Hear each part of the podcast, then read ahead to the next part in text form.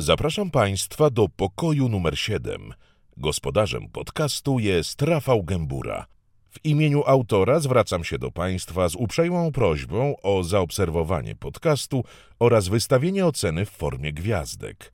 Dziękuję za uwagę.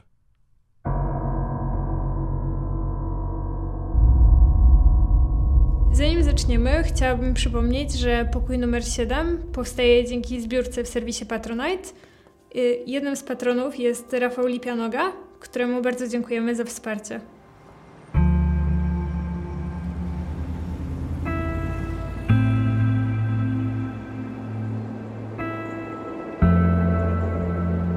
Mam na imię Agnieszka, mam 21 lat i mieszkam w Krakowie.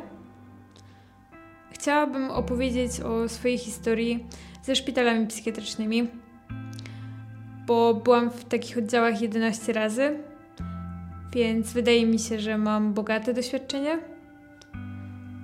Te doświadczenia są zarówno negatywne, jak i pozytywne.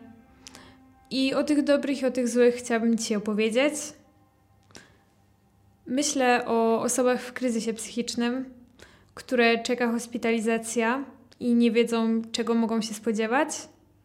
Chciałabym rozwiać te wątpliwości, ale myślę też o rodzicach, którzy oddając swoje dziecko do oddziału, zastanawiają się, czy przypadkiem nie wróci nafaszerowane lekami jako dziecko zombie. I być może tak będzie. Ale wydaje mi się, że będzie to mniejsze zło, bo to dziecko jednak nadal będzie.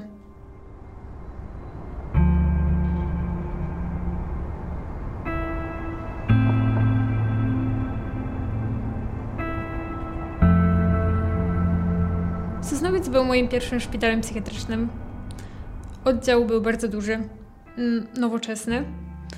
E, I to było moje pozytywne doświadczenie. Trafiłam tam w styczniu. E, pod koniec lutego wyszłam, więc był to niecały miesiąc. W trakcie tego miesiąca moje funkcjonowanie troszeczkę się zmieniło. Mm, Na oddziale mieliśmy dużą ilość terapii. Mieliśmy terapię zajęciową, zajęcia kulinarne, e, mieliśmy spotkania z psychologiem, e, ale także w momencie, kiedy nasz lekarz, dyżu, e, nasz lekarz był na dyżurze, e, wtedy mogliśmy z nim porozmawiać. Więc czasami zdarzało się, że na przykład w tygodniu lekarz miał dyżur trzy razy, więc mieliśmy z nim rozmowę aż trzy razy. E, Jeżeli chodzi o sam oddział, oddział był bardzo przestrzenny. Mm, Składał się z dwóch korytarzy. E, Zawsze mówiliśmy, że jest część niebieska i część pomarańczowa. I trochę tak było, ponieważ jeden korytarz był pomarańczowy, drugi był niebieski. Ale był to też podział, który wyznaczał społeczności, ponieważ na oddziale było coś takiego jak społeczność terapeutyczna. I codziennie w tygodniu spotykaliśmy się na mniej więcej 30 minut, e, gdzie w tych grupach rozmawialiśmy o tym, jak się czujemy, e, jak minął nam dzień, ale zadawaliśmy też sobie takie luźne pytania, żeby się poznać. I na przykład mm, czasami padało pytanie o to, gdzie byśmy chcieli się znaleźć w momencie, gdybyśmy e, na przykład mogli pojechać na wycieczkę za darmo, co jest fajne, możemy poznać drugą osobę. Trochę rozładowuje atmosferę mm, miejsca, w którym się znajdujemy. Bo wiadomo, że też w tych sytuacjach mm, omawiało się czasami trudne sytuacje. E, Jeżeli na przykład ktoś e, miał jakiś gorszy czas, mógł o tym powiedzieć, e, więc nie zawsze było to takie no fajne słuchać o tym, mm, jak ktoś ma jakąś trudność. E, Ogólnie to też mm, na oddziale było dużo zasad. E, Między innymi nie można było mieć telefonu żadnego, bo zdarza się, że na oddziałach można czasami mieć taki telefon, taki stary, bez aparatu, e, ale w Sosnowcu nie można było. Mm, Na wszystkich pacjentów był jeden, e, do którego można było się ustawić i była kolejka i mogliśmy na przykład zadzwonić do rodziców czy do przyjaciół, no ale wiadomo, że trzeba było poczekać. E, Na oddziale mniej więcej znajdowało się 60-70 osób. W momencie, kiedy był on zapełniony całkowicie, było to właśnie około 70 osób. Dużo. Sale były tak mniej więcej od dwóch do pięciu osób. Były takie dwuosobowe, małe. Mm, było ich też mniej. E, zazwyczaj były to sale takie cztero, pięcioosobowe, gdzie mm, zawsze dziewczyny były z dziewczynami, chłopcy z chłopcami. E, tak samo było z salami obserwacyjnymi, bo na oddziale znajdowały się dwie przeszklone, takie duże, ogromne sale, gdzie personel za takiej konsoli, mm, czyli takiego miejsca na bazie półkola, przy którym jakby siedział, głównie były to pielęgniarki, mogły obserwować, co się dzieje na świetlicach i w tych salach obserwacyjnych. Bo właśnie zazwyczaj w momencie, kiedy trafiało się na oddział, trafiało się na taką salę obserwacyjną. Mm, były też dwie izolatki. Izolatki, mm, no zazwyczaj trafiały tam osoby, które naprawdę były w bardzo dużym jakby zagrożeniu. E, tam znajdowały się kamery, tam można było na przykład umieścić pacjenta, gdy był agresywny. E, I mm, one oprócz tego, że były z takimi drzwiami z szybą, e, miały też takie okienko, gdzie właśnie tam z tej konsoli pielęgniarskiej wszystko można było obserwować. Mm, jeśli chodzi o te sale pacjentów, to one też miały przeszklone drzwi ale znajdowały się na korytarzach, więc ktoś musiał tamtędy przechodzić, żeby mógł zobaczyć, co się w środku dzieje. Ale to też dawało personelowi taką możliwość patrzenia, czy wszystko jest w porządku. Jeśli chodzi o oddział, e, były właśnie dwie ogromne świetlice. Mm, na jednej z tych świetlic e, był telewizor, z którego mogliśmy korzystać, mogliśmy coś oglądać. Służył też na przykład na terapii zajęciowej do odtwarzania muzyki, e, czy właśnie do oglądania filmów, w momencie, kiedy całą grupą oglądaliśmy filmy. E, ale też to, był, to było miejsce, gdzie zazwyczaj spędzaliśmy dużo czasu, bo no, na takim oddziale nie ma jakby zbyt wiele form rozrywki.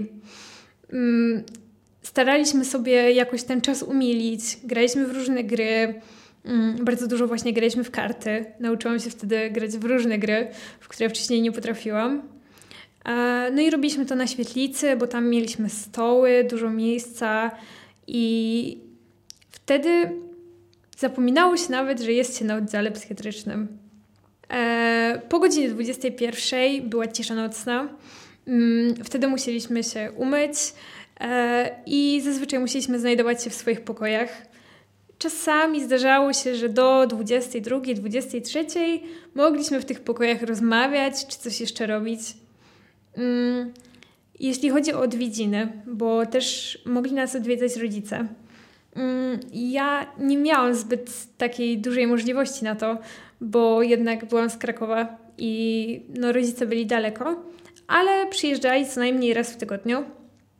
I rodzice mogli przyjeżdżać tak naprawdę w każdej chwili, w momencie, kiedy oddział był otwarty, czyli od godziny 8 do mniej więcej 20.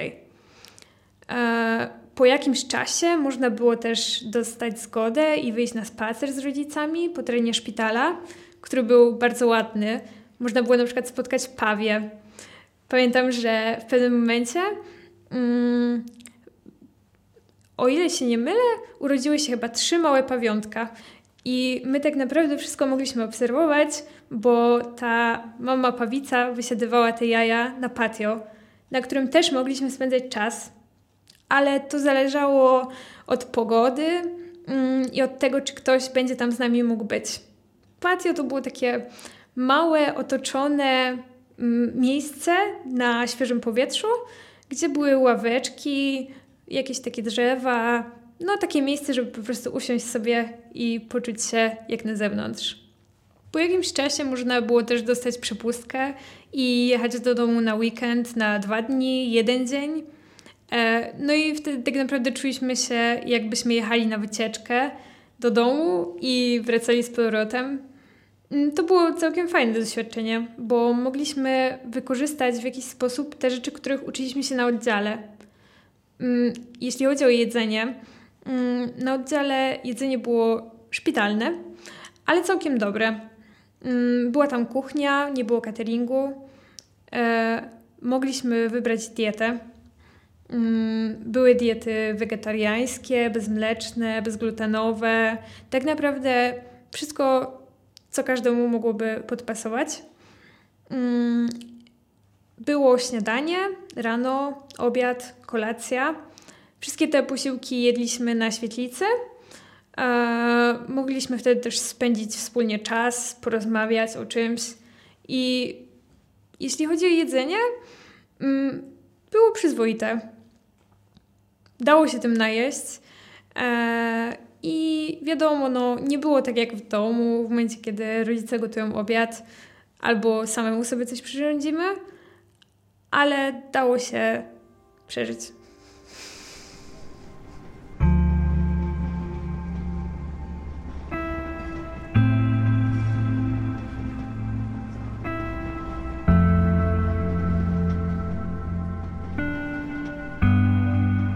Oprócz tych pozytywnych aspektów, które spotkały mnie w szpitalu psychiatrycznym, e, były też minusy. Mm, tych minusów było całkiem sporo. Przede wszystkim byliśmy w miejscu, w którym mm, dużo osób przeżywało swoje największe kryzysy. Mm, można było zobaczyć naprawdę różne sytuacje, które były często przerażające. Ludzie z atakami paniki, podejmujący próby samobójcze, samookaleczające się. Widok codzienny, straszny bardzo duża część osób, która trafiła do szpitala, e, właśnie była po próbach samobójczych. Mm, no i stan psychiczny był bardzo zły. Te osoby często nie chciały rozmawiać. E, był problem z nawiązaniem jakiegoś kontaktu z nimi. Mm, no w momencie, kiedy byliśmy na przykład na sali z nimi, mogliśmy się poczuć trochę samotni. Oprócz tego też no, na dużym oddziale E, w momencie, kiedy w jednym momencie duży, dużo osób czuło się gorzej mm, i był jeden lekarz dyżurny, no to wiadomo było, że trzeba było poczekać na rozmowę. Czasami wtedy ta rozmowa była bardzo krótka, e, no i mogliśmy nie uzyskać takiej pomocy, jaką chcieliśmy. Mm, pobyty w szpitalach często trwają bardzo długo i to był jeden z minusów. Mm, przede wszystkim dlatego, że na oddziałach młodzieżowych, dziecięcych e, znajduje się młodzież, która chodzi do szkoły. Mm, na większości oddziałów takie zajęcia dla nastolatków się odbywają. Przychodzi nauczyciel z jakiejś szkoły i normalnie prowadzi lekcje. E, ja byłam w liceum i tych zajęć nie było, mm, co oznaczało, że ja straciłam E, no tak naprawdę duży kawałek semestru i miałam bardzo dużo zaległości.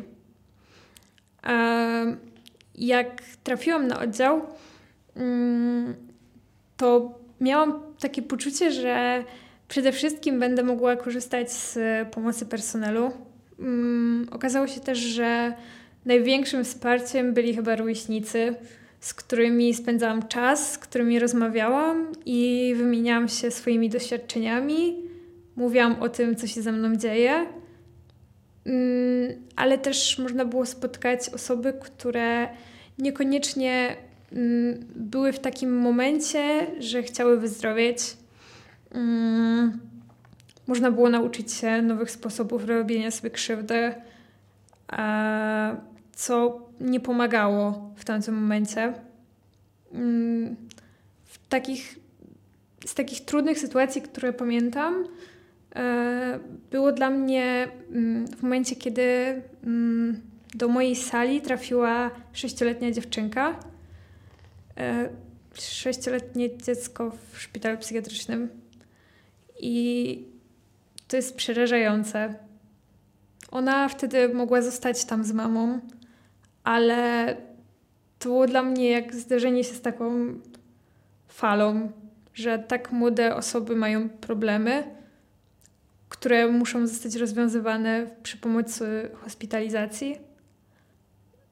Jednym z też trudnych doświadczeń było E, były sytuacje, w których ktoś był agresywny dla siebie i dla otoczenia i trzeba było użyć wobec niego środków przymusu bezpośredniego. Mm, to było trudne do patrzenia na to, bo jednak nie spotykamy się na co dzień z tym. I w momencie, kiedy widzimy coś takiego, mm, pojawia się przede wszystkim w nas lęk, duży lęk, że taka sytuacja może też spotkać nas, mm, bo czasami zdarza się, że żeby pacjent nie zrobił sobie albo komuś krzywdy, no trzeba go zabezpieczyć, tak? Pamiętam pewną sytuację, mm, gdy dziewczyna na środku oddziału chciała sobie zrobić krzywdę i mm, przybiegło chyba czterech ochroniarzy, e, pielęgniarz, pielęgniarka i oni całą swoją siłą próbowali przytrzymać ją przy ziemi, żeby ona nie miała żadnej możliwości ruchu i zrobienia sobie krzywdy. I czułam się wtedy, jakbym patrzyła na zatrzymanie przestępcy, a nie na po próbę pomocy osobie, która w tym momencie chciałaby zrobić sobie krzywdę.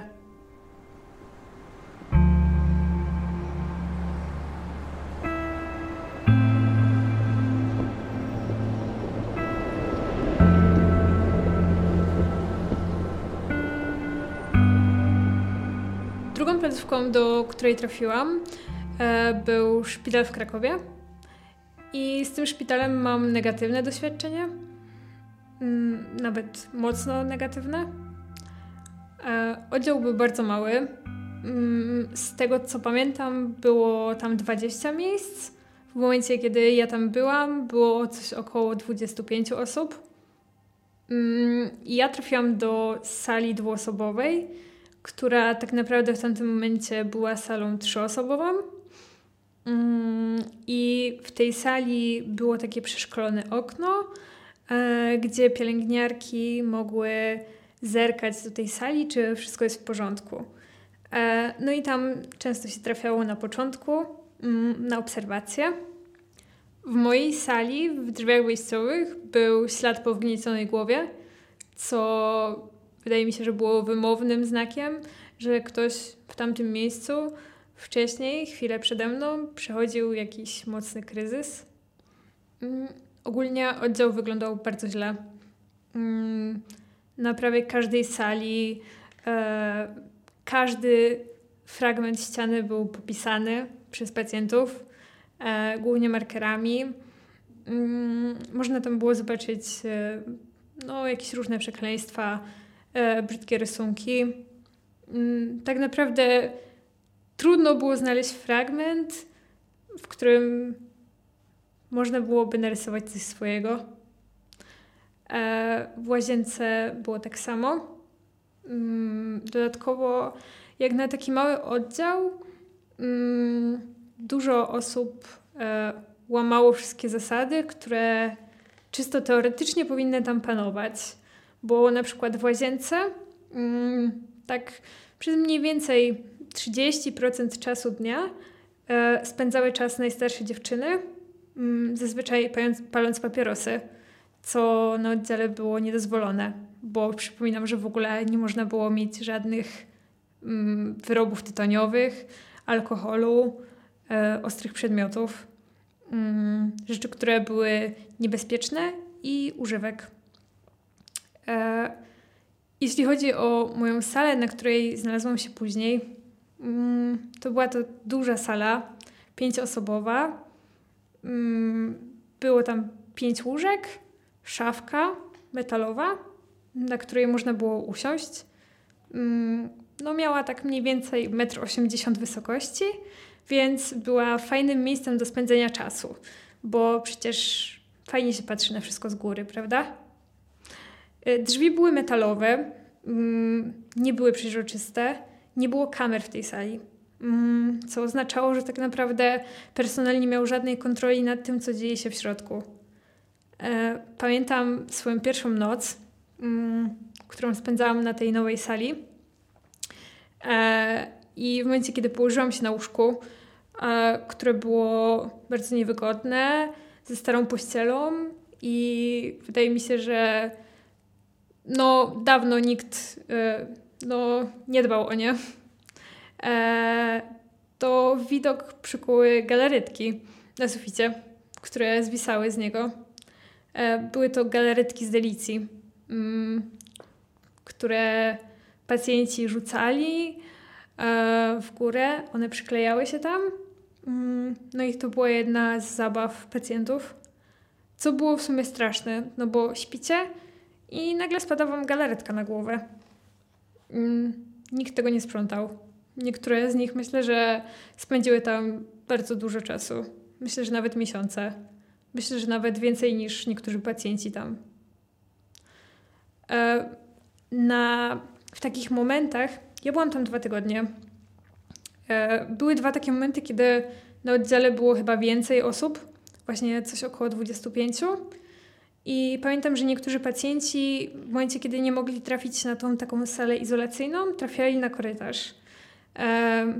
I były na przykład mm, przez chyba cały mój pobyt były trzy łóżka na korytarzu, gdzie no tak naprawdę spało się, tak? Nie miało się swojej sali, więc spało się na łóżku e, na korytarzu. Wszyscy przychodzili tamtędy, e, widzieli co robisz, nie miałeś żadnej prywatności. No straszne w sumie. Chociaż myślę, że to i tak jest dobrze, bo mm, w wielu szpitalach dostaje się sam materac. Przynajmniej miało się łóżko z materacem. Mm, w tamtym momencie, mm, w czasie dwóch tygodni, byłam na jednym spacerze grupowym. E, mieliśmy jedne zajęcia z jakiejś terapii zajęciowej, na których nie byłam, i jedną muzykoterapię, na których puszczaliśmy muzykę. E, to też było tak, że ta muzyka, którą pacjenci puszczali, ona nie była odpowiednia na tamten oddział, e, ale nikt nie kontrolował tego. Mm, oglądaliśmy też raz wspólnie film e, i to był cały szereg zajęć terapeutycznych. Raz e, widziałam się chyba z psychologiem. Przynajmniej pamiętam, że tak przedstawiła mi się ta pani. Mm, widzieliśmy się w jakiejś sali metr na metr. Powiedziałabym, że no, prawie jak taka szafka. Ledwo można było się tam ruszyć. I ta rozmowa trwała kilkanaście minut. Mm, do niczego nie doprowadziła. Przez całe te dwa tygodnie też widziałam swojego lekarza, chyba, bo tak naprawdę to nie pamiętam. Wiem, kto był moim lekarzem, i wydaje mi się, że rozmawiałam z tą osobą oprócz dnia przyjęcia, ale przez dwa tygodnie jedna rozmowa z lekarzem to jest dość mało. Zwłaszcza jeżeli jesteśmy w jakimś kryzysie i chodzi o to, żeby wyciągnąć nas z niego. To, to nie pomoże. W momencie, kiedy w Krakowie na tym oddziale mm, ktoś miał jakiś problem, jakąś trudność, e, no to trudniej trochę było uzyskać taką doraźną pomoc, bo mm, lekarz, który był dyżurnym lekarzem, e, obsługiwał chyba kilka oddziałów. E, mówię obsługiwał, bo nie wydaje mi się, że mógłby sprawować opiekę, bo w momencie, kiedy ma kilka oddziałów nad sobą, no to trudno tych pacjentów wszystkich w jakiś sposób e, no, zaopiekować, tak? Mm, zwłaszcza też jeżeli na przykład ma się pod opieką oddział dziecięcy i nagle oddział dla dorosłych. To też myślę, że jest trudnym wyzwaniem. Dodatkowo jeszcze izbę przyjęć. Pewnie nie było na to czasu nawet. Mm, dlatego jeżeli ktoś miał kryzys, to zazwyczaj najstarsze osoby rozmawiały z nimi. Mm, no tylko, że tam, tam akurat e, spotkałam się z tym, że te osoby bardziej nakręcały te osoby w tym kryzysie. Że jeżeli ktoś czuł się źle, miał chęć zrobienia sobie czegoś, zrobienia sobie jakiejś krzywdy, okaleczenia się, to były nawet sytuacje, że one nawet podpowiadały jej, jak to zrobić w taki sposób, żeby na przykład personel się nie zorientował. A wtedy pamiętam też na tym oddziale były Ogólnie na tym oddziale znajdowało się kilka osób, które były tam umieszczone sądowo. Mm, były tam dość długo. Dwie dziewczyny były chyba 8 miesięcy. E, jedna była chyba 7. Mm, no i widać było po nich, że one nie bardzo chcą zdrowieć.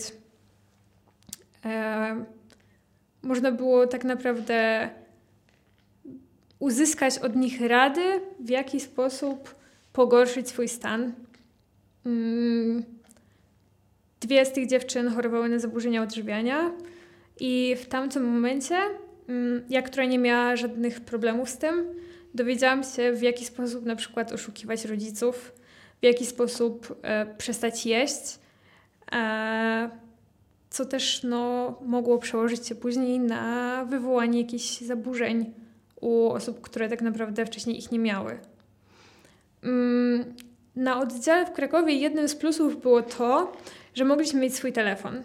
Mm, tylko nie taki swój prywatny, wiadomo, jak korzystamy z niego na co dzień, tylko taką cegłę przysłowiową e, z przyciskami, bez aparatu, e, co umożliwiało nam troszeczkę łatwiejszy kontakt ze światem zewnętrznym, bo mogliśmy w każdej chwili zadzwonić do rodziców.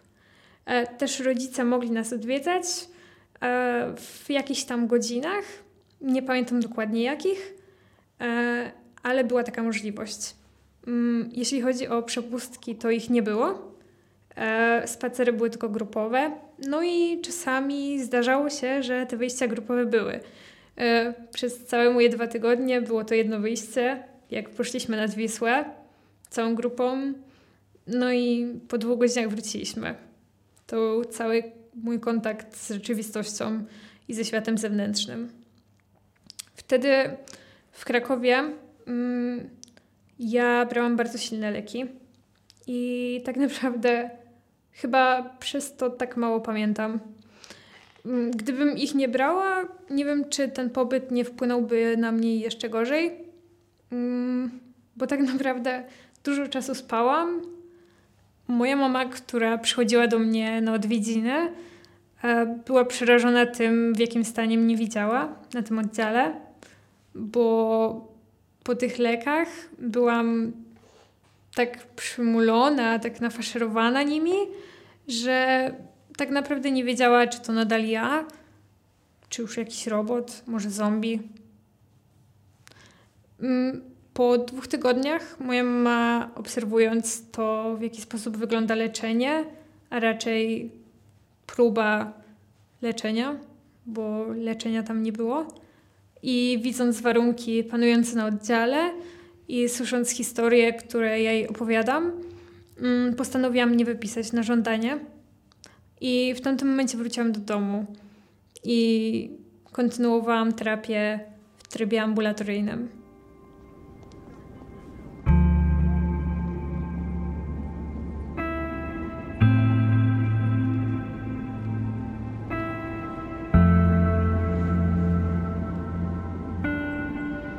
Jak wspomniałam na samym początku, byłam w szpitalu 11 razy. Mm, dlaczego tak dużo? Wydaje mi się, że w momencie, kiedy trafia się tam po raz drugi, trzeci, zyskujemy takie poczucie bezpieczeństwa. Wiemy, że to jest miejsce, w którym w razie kryzysu e, możemy zostać no, zabezpieczeni na ten najgorszy okres i przetrwać ten najgorszy okres. Wydaje mi się, że wtedy mogłabym to nazwać taką pętlą. Mm, zapętlamy się w tych hospitalizacjach i tak naprawdę wydaje mi się, że chodzi właśnie o to poczucie bezpieczeństwa. Ono jest tak duże, mm, że my na zewnątrz nie czujemy się tak dobrze i tak komfortowo, jak nawet w tych trudnych warunkach, bo Przecież szpital to, to nie jest kolonia, to jest trudna, trudne doświadczenie dla wielu osób. I drugą, e, drugim powodem, dla którego wydaje mi się, że tych razy było tak dużo, e, jest to, że moje objawy nie znikały. One cały czas się utrzymywały e, i leki nie pomagały. E, terapia też nie była wystarczająca. Dodatkowo, jakby ja po hospitalizacji wróciłam nadal do swojego środowiska. mm, nadal do rodziców, nadal do szkoły. I e, wtedy ja faktycznie byłam w jakiejś terapii, w jakimś procesie, ale moje środowisko nie. Oni się nie zmieniali. Mm, ja też nie byłam w stanie wpłynąć na nich. Nie byłam w stanie zrobić też czegoś, żeby oni zrozumieli to, że ja mam jakąś trudność, że ja sobie z czymś nie radzę i żeby oni też to zaakceptowali. I wydaje mi się, że to są dwa powody, dla których tych razy było tak dużo. Uważam, że psychiatria w Polsce jest w bardzo złym stanie, wręcz tragicznym, bo jednym aspektem są te złe warunki, obdrapane ściany, brudna pościel czy łóżka na korytarzu, a drugim jest właśnie to, że czasami tych łóżek czy materacy na korytarzu nie ma. I wtedy my nie jesteśmy w stanie uzyskać pomocy. Ale mimo wszystko, jakby wydaje mi się, że najważniejsze jest to, żeby nie odmawiać sobie tej szansy na to, żeby poszukać tej pomocy. Bo jeżeli nie w naszym mieście, to może 20 albo 120 km dalej takie miejsce się znajdzie. Może na korytarzu, może w sali, ale okaże się, że jest. I wtedy my dostaniemy tak naprawdę szansę na to, żeby uratować swoje życie. Materiał powstał dzięki zbiórce prowadzonej w serwisie Patronite. Link do zbiórki znajdą Państwo w opisie podcastu. W imieniu autora dziękuję Państwu za uwagę. Zachęcam również do zaobserwowania podcastu oraz wystawienia oceny w formie gwiazdek. Do usłyszenia kolejnym razem.